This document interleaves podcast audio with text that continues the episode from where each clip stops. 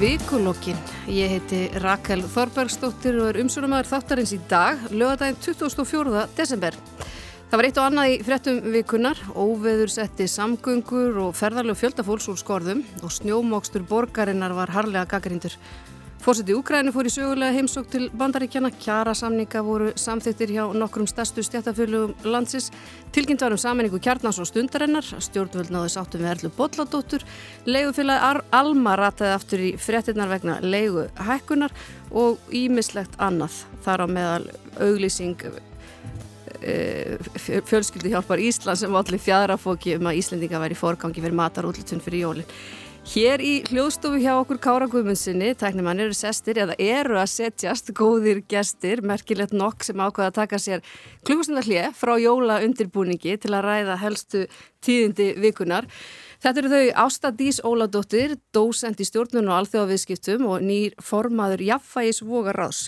Bergur Eppi, listamæður og samfélagsrýnir og Ingebjörg Dögg Kjartansdóttir, rittstjóri stundarinnar sem var að já, þræða sér vantarlega í gegnum umferð borgarinnar. Veru allir velkomin. Takk fyrir. Takk fyrir. Takk fyrir. Eh, við ætlum einmitt að, að, að, að gera ráð fyrir að veri umferði sem hafi verið aðeins að hérna, feipa þig, Ingebjörg Dögg. Við ætlum einmitt að byrja á þessum náttúruöflum, þar að segja óverun og snjónum, sem kannski ætti ekki að koma Íslandingum í opna skjöldu en gerði samt í þessari viku. Eh, þetta óveður sem að, sem hérna, lagðist yfir og í rauninni hófstum síðustu helgi en, en setti svo allt eila á hliðina. Og ástandi sem skapaðist í leifstöð ég eiginlega hérna, er nú ekki, ekki kottnung en ég man ekki eftir, eftir uh, svona. Þúsundir strandaglópar þarna. Uh, hvernig sló þetta ykkur, þessi uppákoma ætla ég bara að segja, ef þú byrjar ásta? Það er eins og þú segir, þetta virðist alltaf koma okkur óvart þegar skellur á svona veður en þetta var náttúrulega óvenni slæmt og, og hérna, fjölda flugferða þarna aflýst og mikið af fólki sem var fast í raun og verið bara á flugvellinum Eh, það var talað um í fréttum að það væri starfs, varu ofáir starfsmenn, það voru fáliðuð og gáttu ítla svona sint og, og brúðist við. Ég ætla kannski að fá að skjóta því inn, þú ert fyrirverandi framkvæmdastjóri fríhafnarinnar, þannig að þú þekkir vel til, þú veist um hvað þú ert að tala. Já, já, ég nú lendið í nokkru sinnum að komast korki frá flugstöðinni til hennar og einmitt á þessum tíma í desember, janúar, þannig að það sem að brautinu hefur verið lokuð og, og við höfum þurft að vera þannig. En ég held að svona bust sér frá öllu við þetta var vitað að vissu leiti og það hefði mátt gera kannski meiri rástafanir en síðan kemur það inn í að fólk kemst korki til nýja frá til að spæta við fólki til að þjónusta þess að farþegar sem þarna voru. Þannig að það var svo sem kannski erfitt að breðast við þess að þetta var komið upp. En ég hef aldrei heyrt um það áður að haftasvæði til dæmis hafi verið opnað fyrir farþegar líkt og gert var þarna sem var mjög jákvætt. Mm -hmm. Þannig að það var hægt að skapa örlíti betri aðstæður eins og við þekkjum þá er kannski flugstöðin ekki svona, eða flugstöð var yfir höfuð ekki svona þægilegur staði til að vera lengi á. Nei, nei, og kallt og lítið um húsgögn. Á, á samfélagsmiðlum tók maður sérstaklega eftir því að fólk var að setja inn fæslur þar sem að Beinins var bara óska eftir kaffi og teppi sko, eftir margra klukkustunda byggð og þetta já, var orðið svona, hérna, já, ástand sem hérna, ferðalangar á leið til tenni með tásundar sínar eiga ekki, að venjast. En var þetta opnað upp í, í, í hérna, vestunasvæði? Já, það var opnað upp að þetta sem er kallað haftasvæði, sem er brottvarasvæði flugstöðarinnar.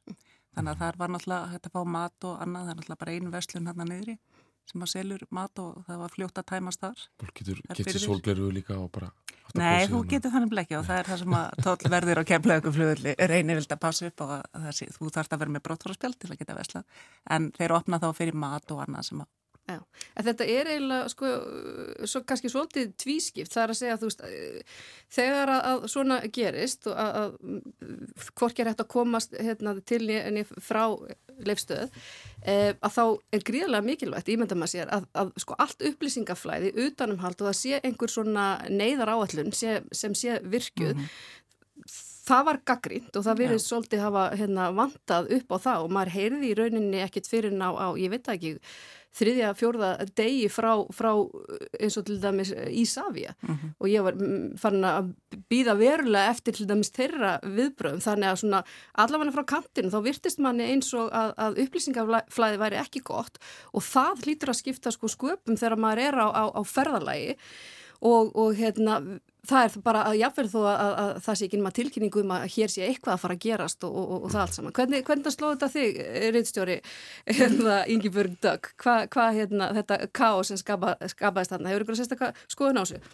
Nei, náttúrulega bara það var svo ábrandi í þessu einmitt hvað fólk var bara, þú veist, þetta með sinna bara svona fremþörfum eins og getur borðað.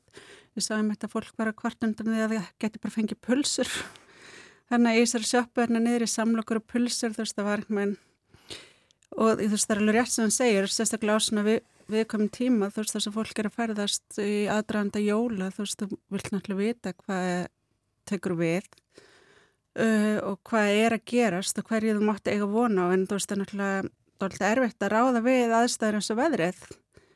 Og hérna og ég veit mér svolítið aðtöklusvert er Sigur Ringi kom fram svo í fréttum og sagði Reykjanesbreytin er það ekki aftur lokað. Já, alltaf tryggja Já, alltaf tryggja það. Þannig að ég svona veldi fyrir mér þú veist, var hann stíga hérna eitthvað inn í svona hlutverk veðurgviðs eða þú veist, á tímum hamfara hlínunar eða, eða er, er hann að tala um það Svona svona móse fílingur yfir Já, svolítið.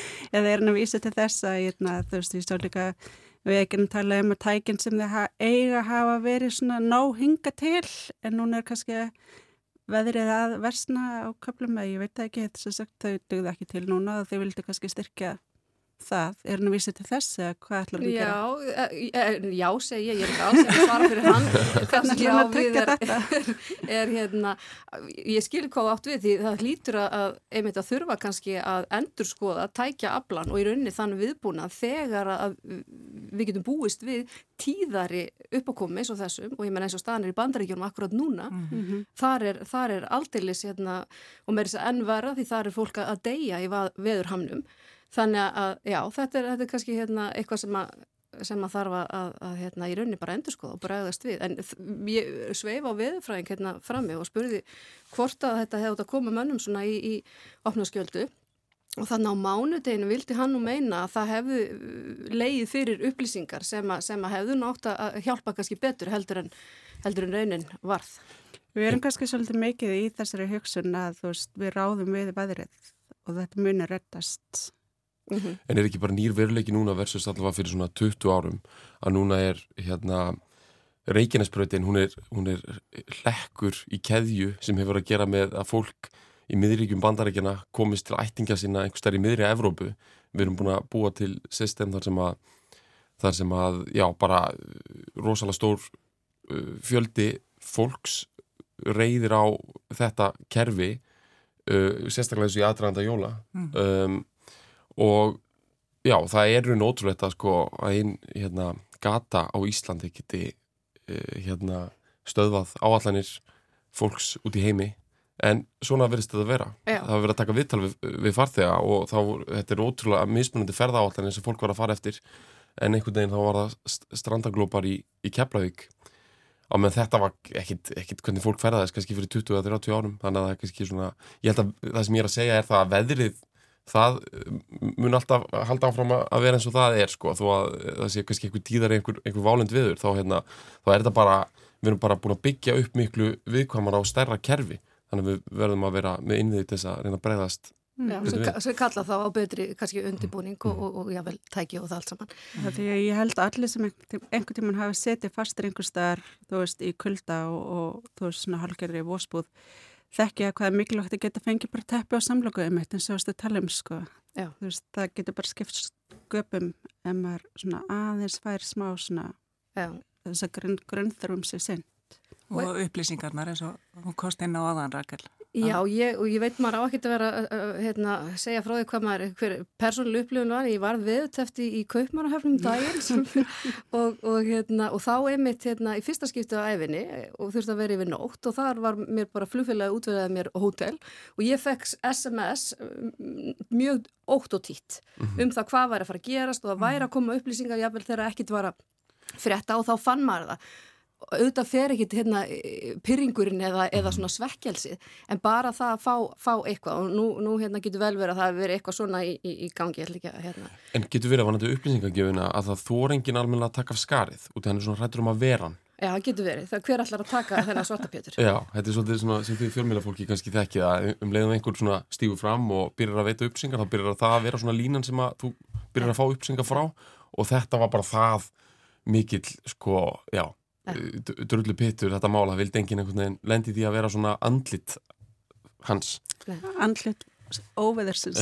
Þetta er áhuga, áhugaverð kenning. Áðurinn við hérna segjum skilið við snjóin, þá langar mig aðeins að tala um hérna moksturinn því hérna við sem erum á norðan Við hlæjum alltaf reglulega, ekki bara hérna, þegar við erum að keira í borginu og, og e, alls konar litli bílar og, og aukumins með held ég ekkit alltaf til að vera í vestu, hérna, vestu ófærinni en aðlega þetta e, Reykjavík var harlega gaggrínt fyrir slælegan snjómókstur og, og ég sá, að ég vitni aftur að því samfélagsmiðlarnir er nú svo mikið að upplýsa okkur að fólk í efri byggðum á kannski fjóruða degi var orðið ansi reitt. Hvað hérna Hvað segir um þetta? Ásta, hvað, þú býr nú hennar rétt hjá, þannig að kannski snert þetta því ekkert. Ég geng mikið, þannig að þetta dröflaði mér svo sem ekkert, en ég skil mjög vel fólk sem þarf náttúrulega að komast til og frá vinnu og annað þegar að kemst ekki. Að Þetta er ekkit nýtt, þetta er, hérna, við hefum oft, oft heyrt, eh, hérna, þetta og, og, og það er einhvern veginn líka þegar kemur bara svona einn kvellur og svo er bara auðti í margar uh, vikur og þá já, já. kemur fjárhagurinn sko inn í þetta mm -hmm. en, en þið eru ekkert að upplifa þetta sem, sem hérna einhvert hérna, uh, sestat vandamál vikunar eða hvað Þetta er bara Ísland ekki, í dag Já, ég get ekki sagt það fyrir mig að hérna, þú veist, ég skil fólk sem verður frustrera að því að það getur ekki lappa á gangstættum vegna sko, hérna, hálku og, og hérna, þú veist uh, ef að salt og sandur hérna, slæri ekki á sko, virkar ekki eða það er ekki móka fyrir bílum ég skil alveg sér frustrasjón en hérna ég held að svona er þetta bara að þú veist ég allavega mérst þetta ekki eitthvað eins og semur hafi verið að tala um þessi áfællistómur af hálfu borgarinnar og svona þú veist. Jú þetta er gott að halda þessu í lægi en, en hérna það er kannski ekki stærsta máli held ég Það er alltaf svona langsótt þegar sko, ef við erum að reyna að gera þetta kannski að pólitísku máli. Já. og það verðist vera einlega árlegt það er alltaf hérna en hins vegar er alveg, það má ekki alltaf gera betur sko og, og svo bara Reykjavík er svo rosalega stór þetta er svo rosalega stórt batteri og, og svo eru, eru hlutir við stórnið þannig að, að þetta eru, þetta eru bara, þetta er vist bara mjög flókið, það eru útbóð og, og samningar við enga aðila í gamla daga þá var þetta vist allt á vegum borgarinnar, bara gattamálastjóri borgarstarfsmenn sem sáum þetta allt saman en núna svona þarf að virkja alls konar samninga og, og, sit, og gæta þessum mörgum hlutum og það má, það má eflaust sko rekstarlega sko gera þetta betur og hérna Nefnt. En ég ætla að slá, hérna, að setja punktin þarna aftan við þessa umræð uh, og mér langar að fara út í heim heimsókn uh, Volodymyrs Selenskis til bandarækjana, hún vakti held ég verðskulda aðtikli þetta, menn tala um þetta sem sögulega heimsókn. Þetta var fyrsta ferðin sem hann fer í utan Úkrænu eftir innrásrúsa fyrir tíu mánuðum síðan. Sáðu þessa ræð sem hann helt flutti fyrir hérna, í bandarækjaþingi hafið eitthvað, eitthvað hérna, eh, ekkert lesið um þetta. Það er alveg eh, ærandi, ærandi þögn hérna og ég er ekki að, að hérna, en, en þetta er, náttúrulega bara hérna, liður í, í hérna, hann var að sækja þarna stuðning og, og, og, og tæki og tól en, en finnst ekki nóg að gert og hérna eh, það sér náttúrulega ekkert fyrir endan á þessu sko stríði sem alþjóða, eh, dósandi alþjóða viðskiptum er ég, er ég alveg að kasta í því hérna, hérna. Er ekki aðfangadagur? Jú, en ég ætla, ég ætla að þetta er samt hérna, af því að ég held að við, við hérna, stundum verðum við samdöna gagvart því sem er að gerast út í heimi og sérstaklega kannski á tímum sem þessum En, en það, það sem er að í rauninni að gerast, hann heldur þessa ræðu, mm -hmm. Pútín og, og talsmenn svara með því að, að segja, herru, hérna, þeir greinlega hérna,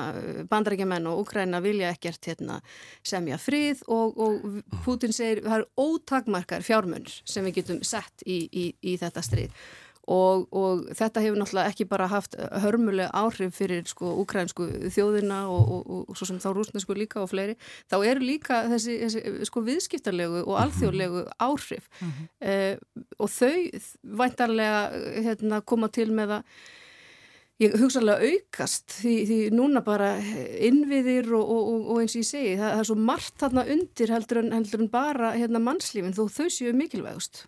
Já, já, þau eru þau eru langt mikilvægust og þetta er náttúrulega búið að standa lengi yfir. Þannig ekki að þetta kallir þetta stríð en er svona þessi árás eða átök sem að er að eiga sér stað. Þetta er búið að standa yfir síðan í, í februar þannig að það fyrir að stýtast í að komi ár sem að hérna, úkræðiska þjóðin er búin að standa í þessu. Mm. og þetta náttúrulega tegið sér miklu lengra aftur. Þetta tegið sér raun og veru til ásins 2014 þegar það byrjar þessi, þessi átökjur raun og veru. Og jú, ég náttúrulega sá hluta af ræðinu og ég sá þegar hann var að afhenda úkræðinska fánan á, á þinginu og mér fannst það mjög merkileg stund þegar hann réttir fánan þarna upp og svona svolítið tákgræn og ég meina bandaríkja menn hérna þeir sest, auka stuðningin við Úkrænu bæði í formi fjármaks og eins varnarkerfis og vopna og annað. Þannig að þetta er þetta er mjög merkilegt af mörguleiti og eins og segir varandi efnaðarslegu áhrifin þetta hefur áhrif á allt veist, bara allan heiminn.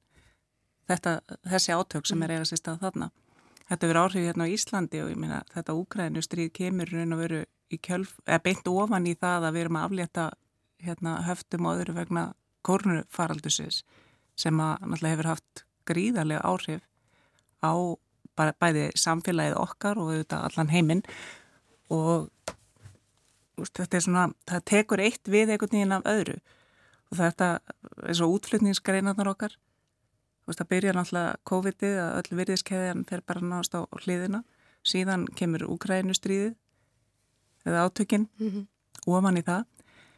Þannig að við, svona sem ekkert ennþá búin að býta úr nálinu með það hvernig, eða þú veist þessi áhrif sem þetta hefur allt saman. Bara vanandi heimsóknuna þá náttúrulega kemur ekkit á óvart að sko í Rúslandi sé þetta spilað upp sem stórkosleg augrun og skilst það svona þú veist það er svona erfitt að setja sér inn í hvernig fréttaflutningur er þar þarna mm. austamegin en uh, uh, já það er hérna þannig að það má, vera þetta sko sem bara nota sem svona áróðustól til þess að kinda undir uh, já að þarna sé bara vera að spila upp að, að nú séu bandarækjumenn konir með úgrænumönnum í lið og það verði bara já bara hert öll átök og, og, og hérna þannig að þetta er, þetta er hérna, já, maður verður alltaf að horfa að þetta spilast á, á, á tvo vegu, sko hverju megin maður er sko. Hins vegar var þetta Selenski, svo áhugavert er, ég hafði ekki veldi fyrir mér sko fyrir þessi heimsók verður hann hafi ekki heimsótt annar land og hann er búin að vera svo sínilegur hann hefur notað svo mikið sko miðla. Í, í, í fréttum hjá okkur. og hefur verið aðgengilegur fyrir sko líka erlenda leitúa og, og, hérna, og ráðamenn mér hérna frá Íslandi hafa hitt hann og, og hann er svona ekki, ekki einangraðar að því leiti, hann er mjög opinn svona allavega til vesturs sko og hefur sótt stöðning og, og það var líka ekki fyrir svo löngu sko fréttur um það að hann, hann reyn, vildi reyna að ávarpa hérna uh, heimsveistara kemna þess að er að nota þann vettvang en var meinaður aðgangur að því sko mm. og, hérna, FIFA reyna að vera ópolítist þarna en það er svona Hann er, hann er virkilega að reyna að sækja stöðning og, og ég held að hann sé að takast mjög mikið að sækja móralskan stöðning. Við sjáum úgrænska fána, þeim er flagga át um allan heim og fólk er mjög meðvitað um, um þetta stríð. Hins vegar hins vegar eh, veit maður ekki hversu langt það sé að nær upp á að þetta er ekki orðið uh, já, það er ekki orðin þessi ég bara, bara stórveldin eru hrætt við að breyta þessu í heimstyröld þar sem þau í rauninni taka virkan þátt Já, já, kannski eðli, eðlilega. Mm -hmm. Selenski talaði um hérna í, í ræðinu sinni að, að, að þetta væri ekki sko hjálparstarf sem væri að koma frá erlendum ríkjum, fyrst og fremst kannski vestrannum ríkjum, heldur sko fjárfesting í öryggi og, og líðræði. Mm -hmm. Er ekki nokkuð til í þessu hjá hann, Ingeberg? Já, ég get ekki sé fyrir mér að ef að hérna, Putin nær fram vilja sinum kakvart hérna Ukrænu, eða þú veist, næring meina hérna þú veist, ef hann kemst upp með þetta og þú veist að það er eftirlátin einhver landsæði hvað, hvað sem þarf til að þetta stöð, stöðvist sko, að hann muni hætta þar þú veist, hvað tekur þá við uh, svona menn sem að beita ábyldi til að fá vilja sinu framgengt, þú veist, eða þarna þú veist, innrás í, þetta er náttúrulega svona einhver svona rosaleg sko, hérna maður er að tala um þetta sem ábyldi þú veist þá er þetta náttúrulega sinnum þúsund eða þú veist miljón mm -hmm. en mhm. hérna þeir hægt ekkert sko nefnum þeim sem mætt af valdi sko mm -hmm. þú veist og hérna og mér finnst það svolítið djarfur hérna leikur að fara til bandarkina mér finnst það svolítið tákgrænt að því að þú veist uh, í aðdraanda og upphæfi þessari innrásar þá var það náttúrulega uh, Putin að tala, þú veist, nota það gegn ukrænumennum að þeir varu orðinir of sko hlýðhöllir vesturlöndum og vildi komast inn í NATO og, og hérna, og hann er alltaf búið til einhver svona myndir sko sem hann nota svo til að réttleta það sem hann er að gera. Uh, og þarna er bætin að stilla sér upp við hlið hérna uh, Selenski, þú veist, hann er bæðið Selenski að senda mig skýr skilbóð, þú veist, hann er ekkit að fara, hérna, þú veist, taka neinar aðra, þú veist, hann er ekkit að breyta sinna afstöðu eða beigja sér undir neitt eða, og bætin er, og bandrækjumenn eru náttúrulega, þú veist, taka svona skýrari afstöðu heldur en gerir til dæmis fyrir nokkrum áram um, með því að stilla sér svona upp við hliðans og hann er alveg heiðarlega með það að hann mun þurfa að sækja meiri stuðning, þú veist, og þetta er náttúrulega ekki, þú veist, mér Tórtis Kolbrún gera það mjög vel, sko, hvað hann talar ofinskátt um, sko, hérna, uh, hvað þetta stríð er, eða þú veist, þessi innrás er og, hérna, tekur afstöðu þar að því að þetta er náttúrulega ekki stríð, sko, uh, þetta er ekki bara innrás á Ukrænu, þetta er innrás á einna gildi sem að Vesturlöndin standa fyrir og bara ammanréttindi almennt.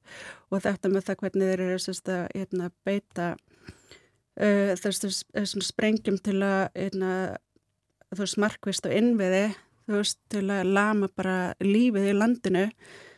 Það er náttúrulega bara eitthvað sem mun hafa afleggingar til lengri tíma fyrir þetta fólk sem er býrarna, þú veist, og, og náttúrulega allt sem fylgir stríði, þú veist, innrás, við getum ekki kall, kalla þetta stríð. Þú veist, þetta er sko þetta er eitthvað sem við munum þurfa að takast á við bara lengri, lengri tíma og já, mér verður svo oft hugsað um það þegar hérna, ég er að fylgjast með fréttum sko, ef ég má vera svolítið persónuleg, þú veist þá er hérna, amma mín er finsk, flutti hingað sko þegar hún var, um, rífilega tvítubúið með háskólanum og ólst upp í vetrastriðinu í Finnlandi. Og ég hef allst upp þessar lýsingar sko hvernig það er að vera barn og horfa út með stofugluggan og hérna sjá sko sprengingarnar falla eða sprengir falla í kringum þig og svo kveiknar í stegaganginum og svo hérna þú veist brotnar eldusrúðan af því það fer sko sprengjaflýs í gluggan og þetta er eitthvað sem hefur afleggingar þú veist fyrir fólk bara alla æfi sko og, og margar kynsluður áfram já, já það, fólk jafnast ekkit á þessu og þú veist, pappi minn ber þessalega merki og ég ber þessalega merki, amma minn kemur, þú veist, mm. úr þessum aðstæðum. Já, þetta er, þetta er kannski öðruvísi eh, uppöldi eða, eða svona, hérna, einmitt insýn sem þið fáið eh, vegna þessara reynsli hennar. Já, svona, þegar hérna, þetta gerðist núna, þú veist, í februar og maður var að lesa sér til um Uh, lýsingarnar frá fólki sem að upplifi bara þetta örgisleysi og þetta varnarleysi og þú veist, hérna, ég man svo innilega eftir, svo vel eftir frá þessu koni sem að var hérna að tala um það að hún varði eins og barn aftur, að hún var algjörlega vannmættu akkord mm. aðstæðum og hún hérna, misti bara örgistilfinningunum bara, bara leiða á þetta gerðist sko og vissi, og vissi ekkert hvað hún gætt gert um, og þú veist, þetta er bara einn sem að hérna þú veist, þegar fólk missir algjörlega öryggistilfinningun sína og þegar það þarf að búa í svona aðstæðum til lengri tíma þá er það eitthvað sem að, þú veist, er erfitt að endurheimta fulla aftur. Nefnt. Og, og áhrifin sem þetta mun hafa á, á Evrópu ja, svo mikið eftir að koma í ljósa því að það er svo mikið af fólki á flóta og þegar svona stór fjöldi af fólki er á flóta þá mun það oft, það leiður oft til sko svona keðjuverkunar í fólksflutningum. Sagan hefur sínt það, það er ekki bara að þetta fólk fara að flóta og finni sér vonandi samastað, heldur getur það ítt líka áfram öðru fólki á, og, og búið til svona á, ákveðna ringekju í gegnum áluna sem að mun taka margar kynnslóður að setjast niður og uh, já, þannig ég held að þetta sé sko svona mitt í ljósa þessar sögu sem að Ingbjörgur segja, margar kynnslóður munu finna áhrif. Þess sem að þegar búið að gerast og svo vonum við náttúrulega að þetta eskilirist ekki að verða eitthvað mikið stærra á meira. Nei, einmitt. Til tengja kannski líka við fyrir umræð þú veist að til dæmis eitt af því sem að hérna, einn byrtingamind þessa var til dæmis alltaf þegar við vorum að fara út að sækja einhvern það var skiptið yngum máli hversu gott veðri var, ég átti alltaf að fyrir með kuldaskó og hérna svona kuldagalla ef að skildi skindilega skella stórrið og við setjum fastar reikinsbreytinni kannski var hann bara fórsjálf Já, já, hugsanlega. Þetta er svona fyrirhyggja sem við mættum alveg tileng okkur meira að vera bara alltaf tilbúin já. með skobluna og gallan í skottinu sko. Já, einmitt. Mm. eh, Jólin, jólin er að koma. Ó, en ég, hérna, ég vonaði hérna, fyrirgifið það. En, en sko, mig langar að tala um jólin og fátækt. Mm. og, og hérna, fórsið umfyllin stundarinnar, ég held að hún hef nú slegið hérna, marga, ekki það að þetta komin eitt á, á óvart, Vi, við vitum það alveg að, að þeir sem að eiga minnst í samfélaginu, jólin eru erfiðist fyrir þennan hóp. Og fórsín var mæður bjarga jólunum og þetta byggir á viðtölum við einstæða fóreldra öryrkja og svona aðra sem að upplifa jólinn á allt annan hátt en, en, en þeir sem geta gert velvisi í mat og, og, og, og gjöfum og slíku. Og þarna hjá þessum hópi snúast jólunum kvíða og áhyggjur og eins og einn ein, hérna, ein viðmælandi sagði Neislan í desember er stöðu áminning um fátaktina og hérna, þetta er kannski Þetta er hérna eitthvað sem við erum ekkert alltaf samt að, að ræða um því við, við, já, við, við hrýfumst með eðlilega í þessu jólaflóði. Erum við að, að gera nóg fyrir þennan hóp á, á þessum gleðilega en líka erfiða ástíma ástaf? Nei, alveg öruglega ekki. Ég held að getum alltaf gert betur en eins og þú segir að hérna þetta dýnur á okkur og ekki bara í desember eða bara í november, þetta byrja bara snemma á haustin að kaupa, kaupa, kaupa og jólinn eitthvað nýjan eins og segir þetta er tími fyrir marga sem er mjög erfiður. Út af sest, eh, fjárastöðu, út af fjölskyldu aðstæðum og veist, við tala hérna um fólk á flóta og annað að þetta er mjög erfiðu tími fyrir marga. Og ég held að við getum gert miklu miklu betur í í þessu samengi bara sem samfélag. Að fátakt heimilislausir og, og, og þess aftar að við gætum gert miklu betur. Já, Bergur Eppi, þú tókst nú þátti í jólabingói fyrir, já, í rauninni ágóðin randi maðurastis nefndar. Eh, var, var það eh, náttúrulega kannski hvað, auðsótt verk þegar, varst, þegar það kom, kom til? Já, sjálfsögðu og hérna, maður hugsaður ofta með til þessara samtaka eins og Maristes nefndar á þessum tíma af því að þetta eru, þetta er náttúrulega fólk sem vinur gott starf alltaf árið mm. en akkurat á þessum tíma þá, þá hérna, er þetta svona góðgjara samtök sem að koma átt upp í hugan það er bara tölur verið neyð bara hérna á, á landinu okkar Fleiri sem að þurfa að hjálpa að halda núna fyrir þessi jólheldun til hans í, í fyrra þannig að Já. það þarf meiri fjármunni, fleiri gjafir Þetta kemur allt svo skýrt í ljós oft sko á þessum tíma því að þetta er náttúrulega, ef maður setur þetta í svona stærra samingi, þetta er náttúrulega þegar þegar sko, þetta er bara sá ástími það sem er bara minnst byrta á sól og mestur mm. kuldi og, og hérna og við í okkar svona verð, verbúðar, verðtíðar samfélagi, við höfum komið upp þessum síð að einhvern veginn að keira á bara í rauninni þetta mótlæti bara með einhverju sko svona einhverju sko aktífri bara neyslu, bara setja allt á fullt og, og það er alltaf að vera að slá einhver met finnst manni í, í sölug og, og, og hérna netið kom inn og ætla ekki að segja þessi viðbútt, það er það ekki en þetta, þetta er alveg gríðarleg en þetta er hérna, hluti af því að, að vera svona komin með allt heim fyrir jólin hérna uh, til þess að finna eitthvað öryggi eitthvað haldreipi í tilvörinu að því að það er bara válend veður og, og myrkur úti og, og hérna, þetta er bara hluti af svona einhver, einhverjum takti, sko við neysluhyggja er bara svona hluti af, af hvernig við berjumstyrunni við þetta módlæti og auðvitað er bara, sko, fyrir fólk sem á minnst, þarna, þar kemur sko neyð þeirra hvað mest í ljós mm -hmm.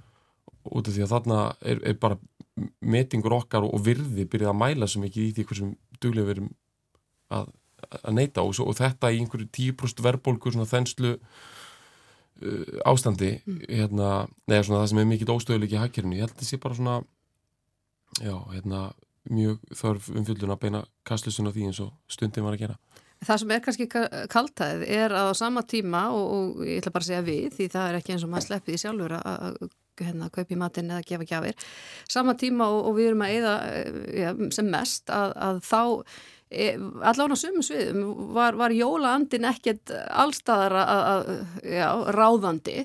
E, Mærastins nefnd allir miklu fjarafóki þarna e, fyrir auglýsingu að auglýsa Íslandingar fengju fyrstir, væru í forgangi við, við matar og útlutun, það reynda var dreyið til hérna, baka og beðist afsökunar á því og, og, og svo sá ég hérna litla frettum um uh, leigufélagið uh, Alma sem er orðið eitt þekktasta fyrirtæki í samfélaginu núna að, að þeir voru að hækka leiguna á einmann rétt úkrænska flótamenn Þetta er svolítið, þetta er ekki alveg bestu bitanir að kingja, ég verði nú að viðkynna það. Hvað hva, hérna, hva segir þú, Ingi-Björg?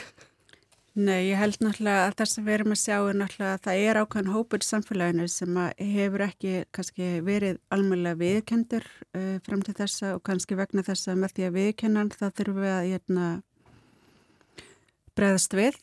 Uh, það er ekki eðlilegt að fólk sem er jafnvel í fullri vinnu á Íslandi ná ekki endum saman og það er ekki eðlilegt að við getum ekki hérna, tryggt bara hérna, jafnvel fólki veist, sem eru örkubótum með hvað bara hérna, frambúa uh, að, hérna, að það getur séð fyrir sér og sínum uh, og, hérna, og mér finnst þetta þessi uh, upprýsa þessi hóp síðasta, síðasta ár sem mögnu sko að því ég mann þegar ég var fjallum fátakt fyrir nokkrum árum síðan og það vildi enginn koma fram í þetta nafni að því það skammust sín allir svo rosalega mikið fyrir það að vera fátekur og það var einhvern veginn eins og þú væri minni manneskja mm. ef þú væri fátekur og þú var sko því merkilega því meiri peninga sem þú áttir mm. og þetta er einhvern svona gammal arfur úr þjóðbílinu held ég. Þetta hefur verið að breytast og þetta fólk hefur verið að stiga fram eins og núna þú veist hérna Margaret Martins fór stúan og er bara komið sko viðtal við tólf fátaka mæður á einum degi sko, þú veist, ekkit mál og hérna um leið verður auðveldra að varpa ljósi á alls konar svona sem er í gangi í samfélaginu. Þú veist um, þegar fólk er tilbúða til að koma fram og segja frá aðstæðan sinum og ég er og þú veist ég held bara að við þurfum að gera miklu miklu meira fyrir en hópa eða þú veist uh, hvort sem er fyrir jóli eða bara alla daga ársins sko. Og e einmitt líka þú veist eins og segir þú veist það er náttúrulega alltaf er alltaf og verður alltaf til fólk sem er tilbúið til að hagnast á hérna, neyð annara, þú veist, þeir sem eru að legumarka á Íslandi, það eru fyrst og fremst þeir sem geta ekki keft sér íbúir uh, af því að hérna, flestir sem geta, þeir kaupa. Við gerum úttækt á þessu hérna, líka fyrir árinu. Uh, og þetta fólk hefur ekki bólmagn almennt til þess að standa undir einhverjum rosalegum verðhækkunum á leigunni, uh, skyndilegum. Og eins og þarna er tilfelli úkrænskur flottamannina sem eru kominir með hinga úr sem ömurlega aðstæðan sem vorum með fjallum áðan komið hinga að fá skjól þú veist og fara inn í þessa leigu íbúður svo allt í hennu sko jafnvel sko hundraföld hækkun á leigu bara í einum vettvangi. Og þú veist það sem að gerist þarna er að e, e Garðabæri ætlar einhvern veginn að mæta þessara hækkun þannig að það er eitthvað enga fyrirtæki sem að hérna, mögulega kemst upp með þetta e, og Garðabær, þú veist, gera það sem þau geta gert, þú veist, því ekki viljum við að þetta fólk lenda gödunni, þú veist, þannig hvað á maður að gera í þessum aðstæðum. Ég skil alveg þau ætla að mæta þessu, en um leiði verður það svo skakt, sko. Mm. Já, svona almanna fyrir þessi notað og, og leigufélag í rauninni takir það til þess að gera það sem að Já. ætti bara að vera mannulegt að Og þetta er ekkit sko allar þessi skýringar sem að hérna, alma leigufélag hefur verið að gera á þessum hækkunum þú veist um að þetta sé tengist eitthvað þú veist hérna efnagsástandinu og svona það, það bara passar ekki að þetta er eitthvað þróun sem búin að eiga sér stað allt undan fyrir ár fyrir mm. eftir að þú komst í eigunir aðala ja. En erum við, fyrir ekki hérna ásta, eh, sko erum við, eh, hvað er það að segja, of, dofin eða, eða sínum við á mikla linkinn þegar kemur bara siðferði af því það er hérna eins og 19 ára sónum minn sagði við erum alltaf neykslast á hinn og þess og svo gerast ekki neitt. Gerum ekki neitt. Já, og svona, það er svona hérna, uh, já, og unga fólki bara skilur ekki af hverju hlutinir þurfa að halda áfram að vera eitthvað þegar að sérstaklega búið benda á, á það sem að kannski miður fer. Va vantar, vantar svona hérna sem að útlendingunum kallar accountability, svona að menn, menn þurfi að stundum eru bara gerðir afturreika með, með ákvarðanir af því að við einhvern veginn já, bregðumst þannig við. Erum við of bara lin og meðvirk með alls konar svona meinsemt sko, er ég að taka nei, nei, nei, nei, alls ekki. Hérna, nei, nei, það er mjög áhugast að ræða þetta vegna þess að við erum alls ekki hérna,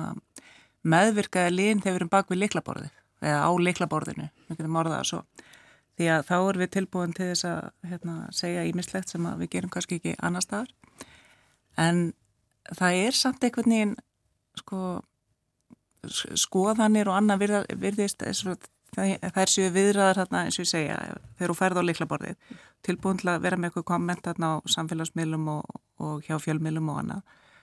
En svo þegar kemur raun og verð því að ætlum við að gera eitthvað eins og mótmælinn sem hafa verið nú á austuvelli og ég menn eftir hrunið og allt þetta sem var bara farin yfir og barið í tunnur og það var allt brjálað. Við, við erum kannski ekki droslega mikið þannig sem bara samfélag þjóðin. Nei. að Íslenska þjóðasálin já, og gullfiskamenni. Það er svolítið gullfiskamenni og, og ægeta rettast, það tekur þetta einhver annar og við erum svolítið soliðis, finnst mér Ég held að séum bara stundum svolítið dofin, kannski vantilega bara stundum einhverju svona, um, það sína samkendi verki, þar, þar segja að þú setur sjálfa því í óþægilegar aðstæður en því að taka afstöðu uh, og sína það í verki, um, þess að auðvilt að sleppa því. Mm. Það er miklu þægilegar að sleppa því. Mm. Og þá gerum við það svo ótrúlega oft og ég held að það sé einhvers svona okkur dóði sem fylgir því og talandi um svona sko dóða sko varandi til dæmis umræðanum legufélagin að þetta eru hækkanir. En skulum ekki glemja því að sko legufélag ger alltaf verðtriða samninga. Mm. og sko legan er að hækka. Bara það er búið að semja um hækkun og hún er ekkit, ekkit smáraði núna því það er tæp 10% verðbolga þannig að fólk er að borga uh, tæp 10% hærri legu heldur en fyrir akkurat ári síðan. Það er bara tryggt sangat samningunum. Þannig að þetta eru hækkanir sem koma ofan á það. Og mér finnst undum þegar það eru gjaldskráhækkanir hvort það eru á tryggingafélögum með einhverjum öðrum að það er allt saman eitthvað sem er umfram í rauninni þá verðtryggingu sem þau hafa alltaf gert. Mér finnst svona bara stundum eða bara þurfa að áreita eitthvað eins skipti sem ég tala um þetta. Þetta eru, þetta eru verðhækkanir umfram í rauninni þessar almennu verðhækkanir sem eru að verða sem að þessi félug og svona stærri aðlar tryggja sig alltaf fyrir. En varðandi hérna, bara koma aðeins aftur inn á þetta með fátæktina mm. uh, hvort maður getur leift sér að segja sem svo að ég trúi sko ég held rumvurlega að það sé líka einhver breyting á gildismati sem hafi orðið.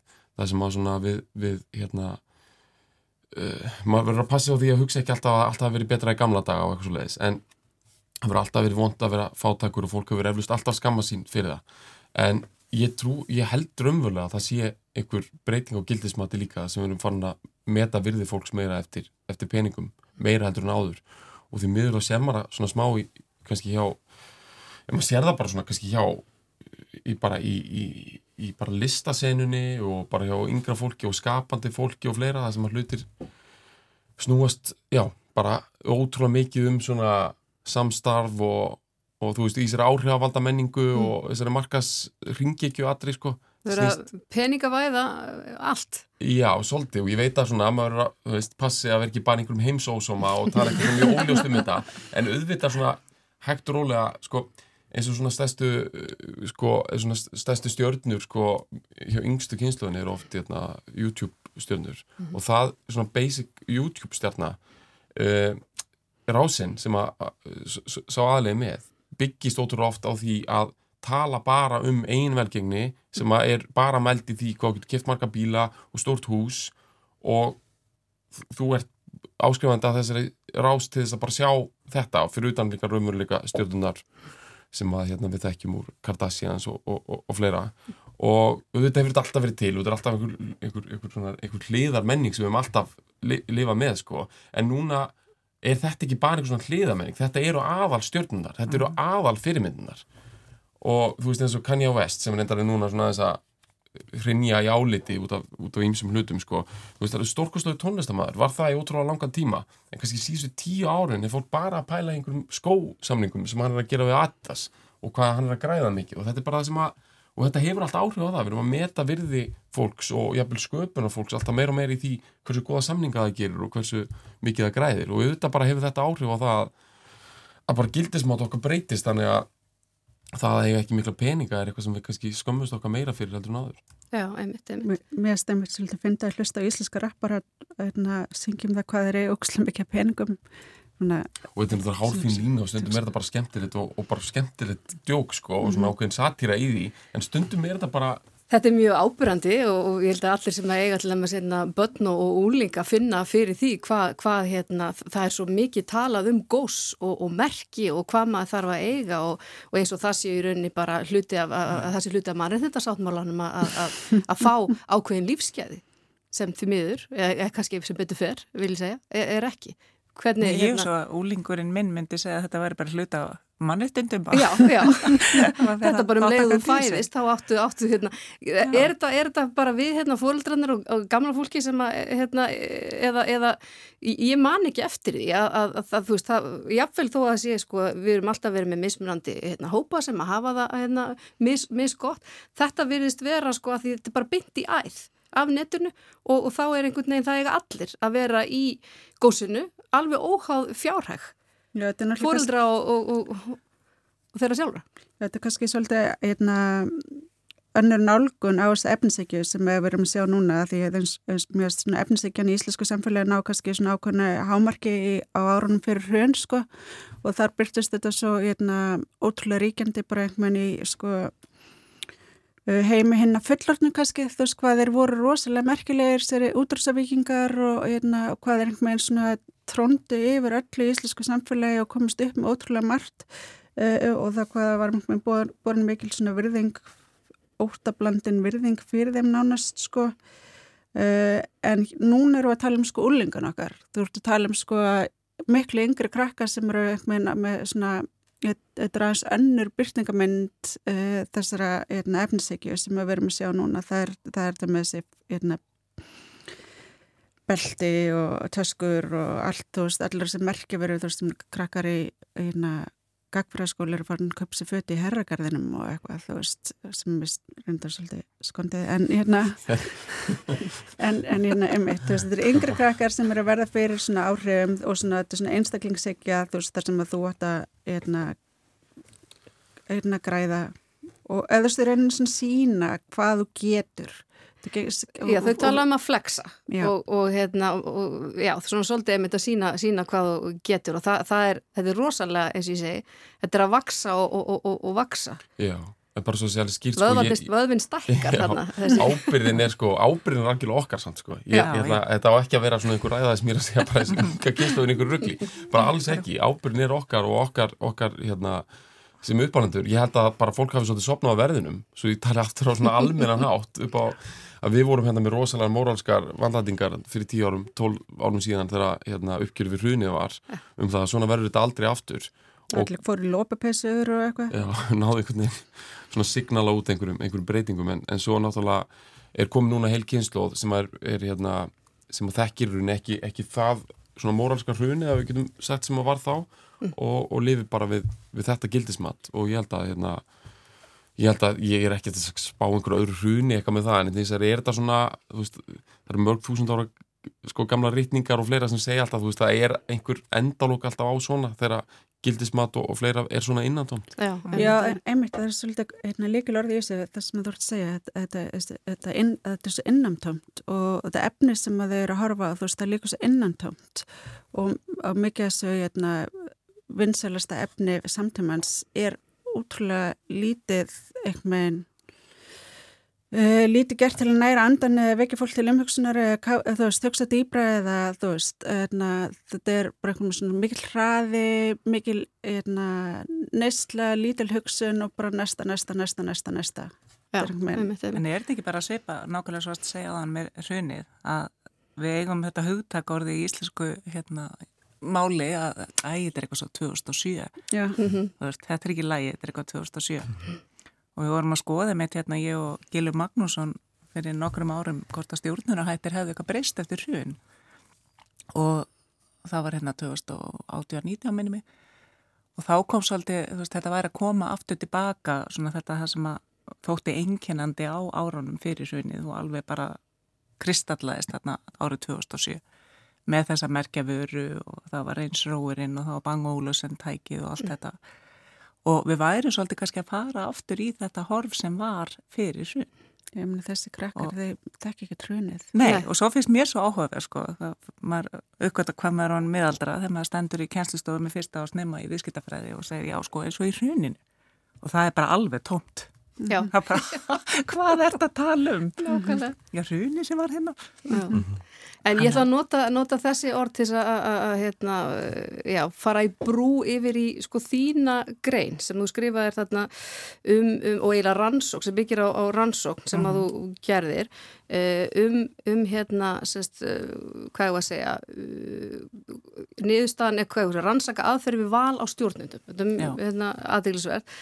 Niðurstaðan allavega er, er svo að konur eru er, er hævar til að hérna, stjórna og ég hafði eins og sem engi þurft að segja mig það en áhrif og tengslanett Karla koma í veg fyrir að þessu ráðnar.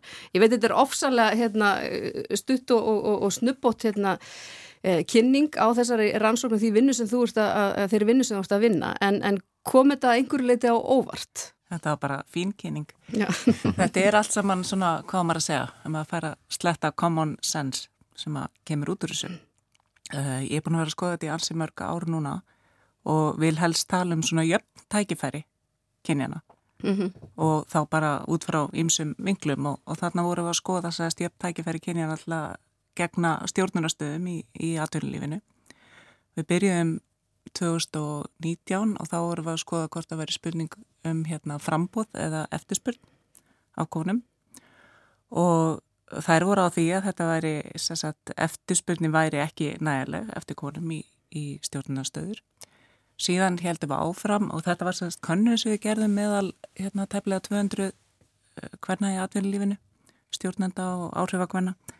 Síðan ákvaða að halda áfram að fara svona svolítið á dýftina vegna þess að í þessari fyrstu könnun að þá var sagt þess að spennt svolítið á konur að þær væri núna komnar við borðið að ráða sérst fórstjóra og stjórnendur sætu sérst í stjórnum út að kynjakota lögum og að þær var ekki að standa sig. Þannig að við ákveðum að taka viðtal við sérst konur úr öllum stjórnum skráðara fjalla, 22. Og þá kom bara margt mjög áhugavert í ljós og það var meðal annars þetta ráðningaferli að þær teldu að það væri ekki nógu faglegt og nógu svona gagsætt, að gegnsæði aftur. Um, tengslaneit kalla að það væri að ráða mjög miklu og það væri vola í flestum fyrirtækjum er þetta þannig að kallin er stjórnaformaður og já En sest, hérna, tengslaneit kalla væri að ráða mjög miklu um það hver væri ráðin já. og það væri vola auðvelt bara að fara inn í sitt nánasta tengslaneit og, og sækja þar einhvern fjöla og eftir því sem að þú gerðir fleiri greiða inn í tengslanetinu því stærri kall væru mm.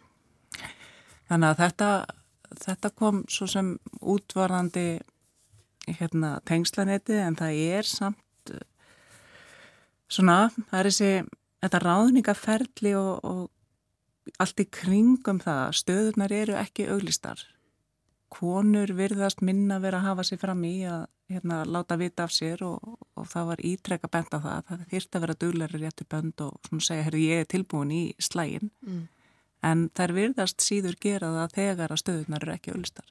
Já. Og að það er búið að auðlisa núna örfáar stöður á síðustu áratögum. Mm. Festi var auðlist og það er öndarlið mörg ár, mm -hmm. eða voru mörg ár sem lið. Þannig að við höfum ekkert verið voðalega duglega við þetta og það kom alls konar skýringar okkur að það megi ekki auðlisa þessar stöður en mér engið er að heldur vatni að mínum að sko. Nei, og myndur þú ef, ef það væri svona einhver, einhver, hérna, einhvert eitt ráð, þá er það kannski fyrst og fremst þetta að auglýsa hérna, stöðunar, því að við kannski, hérna, þetta tengslanett, konur hafa svo sem hérna, gert tilrunir eða ekki tilrunir, hafa verið að reyna að ebla þau, en þessi geiri virðist vera Já, ekki kannski, hérna, jú, það, það er glerþakki er mjög áþreifanlegt þarna en það virðist mm. nánast verið að búa inn múra þarna inn ákveðin hóp sem, að, sem vill ekkit fá aðra í bóði sitt. Þetta er, sko, hvað erum við að horfa á? Þú veist, hérna, þannig að kjarnin er búin að vera mjög, hérna, öflugur í að byrta niðurstöður úr þessu og það er mjög gaman að skoða kommentarkerfið að, hérna, hvað við erum eiginlega að láta út úr okkur hérna en það er skoðun þessara 22 kvenna. En sko við erum með náttúrulega ofinbera geran og þar eru konur mjög sínilegar í stjórnastöðum og við vorum ekkert að skoða það í þessari rannsók.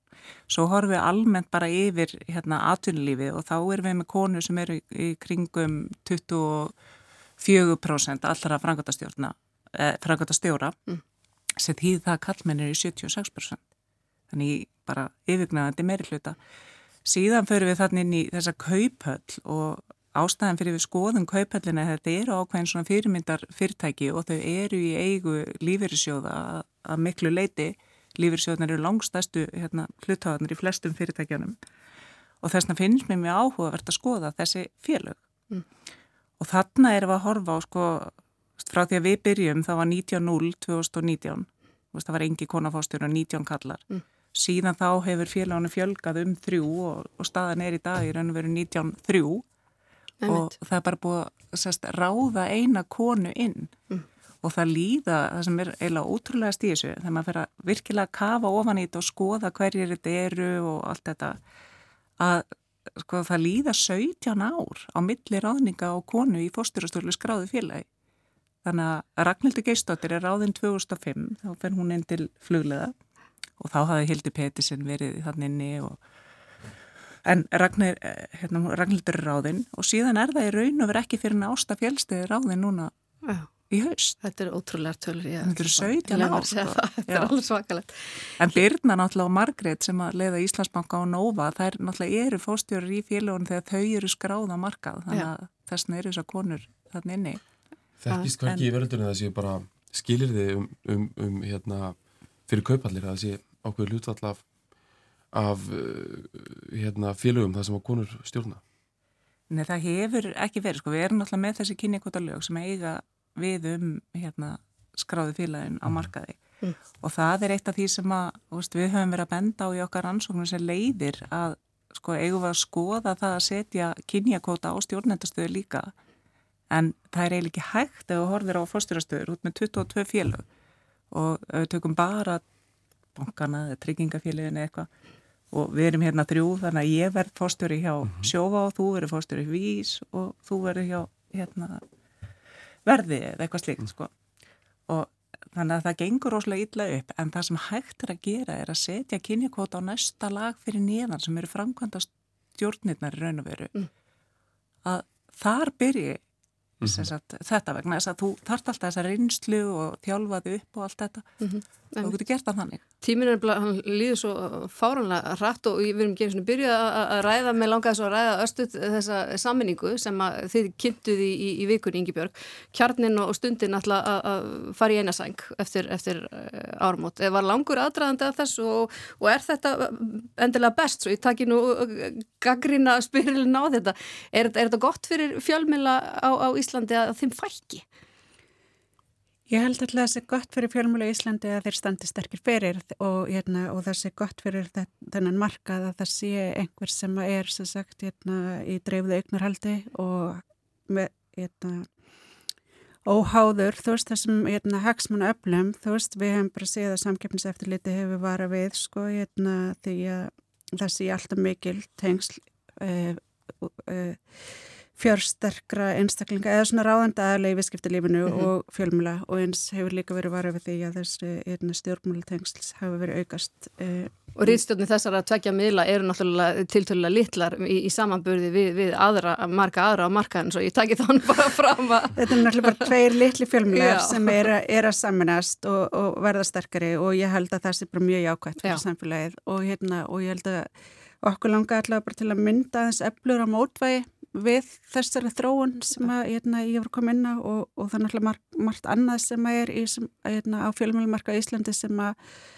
um, og í þessu umhverju sem við búum við sem að hérna, við teljum ástæðu neða að það sé ástæða til að hérna, þú veist skapa annan valkost. Já, því að náttúrulega hafi verið mjög sterk í rannsóknar og bladamennskunni og þessir tveir miðlar hafa nú aðurum ólöstum, já, hérna, sínt mikið, mikið, hvað ég var að segja, aðhald og, og, og, og hérna, svona, leita já, gert með, hérna, kalla kannski öðris eftir svörum og, og kröftugur heldur en margir, margir aðri, þannig að þetta, þetta verður væntalega svona, það, það sá hluti mun, mun væntalega bara vaksa og, og, og eflast, eða hvað?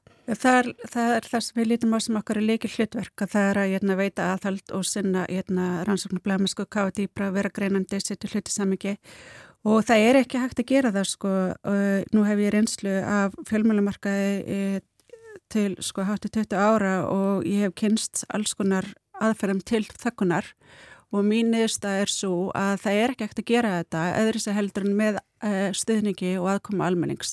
Og það er þess vegna sem við ákveðum að sínum tíma þegar vorum stofnum stundina að vera áskriftumeil. Það var að því við vildum fyrst og fremst vera háð sko uh, lesendum og, hérna, og kjarnin fór svipaðleið uh, með, því, með sko styrtar greiðslum til hérna, fjölmeilsins og hérna, þannig að við erum með þessa blönduleið, áskriftutekjur og styrki. Og það er að mínum að þetta eina leiðin til þess að halda úti rítstjórn sem er í vari fyrir áhrifum hagsmunnaðala og auðvitað það var aldrei fullkomið en það er það næsta sem við getum komist uh, til þess að mynda skjól, til þess að það hægt að vera mjög gaggrininn og stundum óþægilegur fjölmeil á Íslandi. Já, bara gangi ykkur vel í, í, í þeim störfum. Við ætlum að ræða alls konar annað áður en að, að ég kveð sko formleg og þakka ykkur fyrir hérna, að þá þarf, að, þarf ég að koma að áréttingu. Við fengum hérna símtöl frá maðurastinsnefnd, ekki sátt því ég virðist eh, einhvern veginn hafa, hafa blandað þeim alveg óvart inn í, í útlutun sem að fjölskyldihjálp Íslands auglisti. Þetta kemur maðurastinsnefnd að sjálfsögðu ekkert mm. við og ég byrðist velverðingar að, að við fórum svona úr einu í annað og, og rugglaði þessu en, en uh, þetta, þessi, þessi árétting verður verða, verða loka orðin í, í, í dag. Ég heiti Rakel Þorbergsdóttir og, og stýrði þættunum, tæknum aðra Kári Guðmundsson. Gestir mínu voruð Ástadís, Óladóttir, Bergur, Eppi og Ingi Björg Dögg Kjartansdóttir. Takk fyrir samfélgina og gleðileg jól. Gleðileg jól. Gleðileg jól.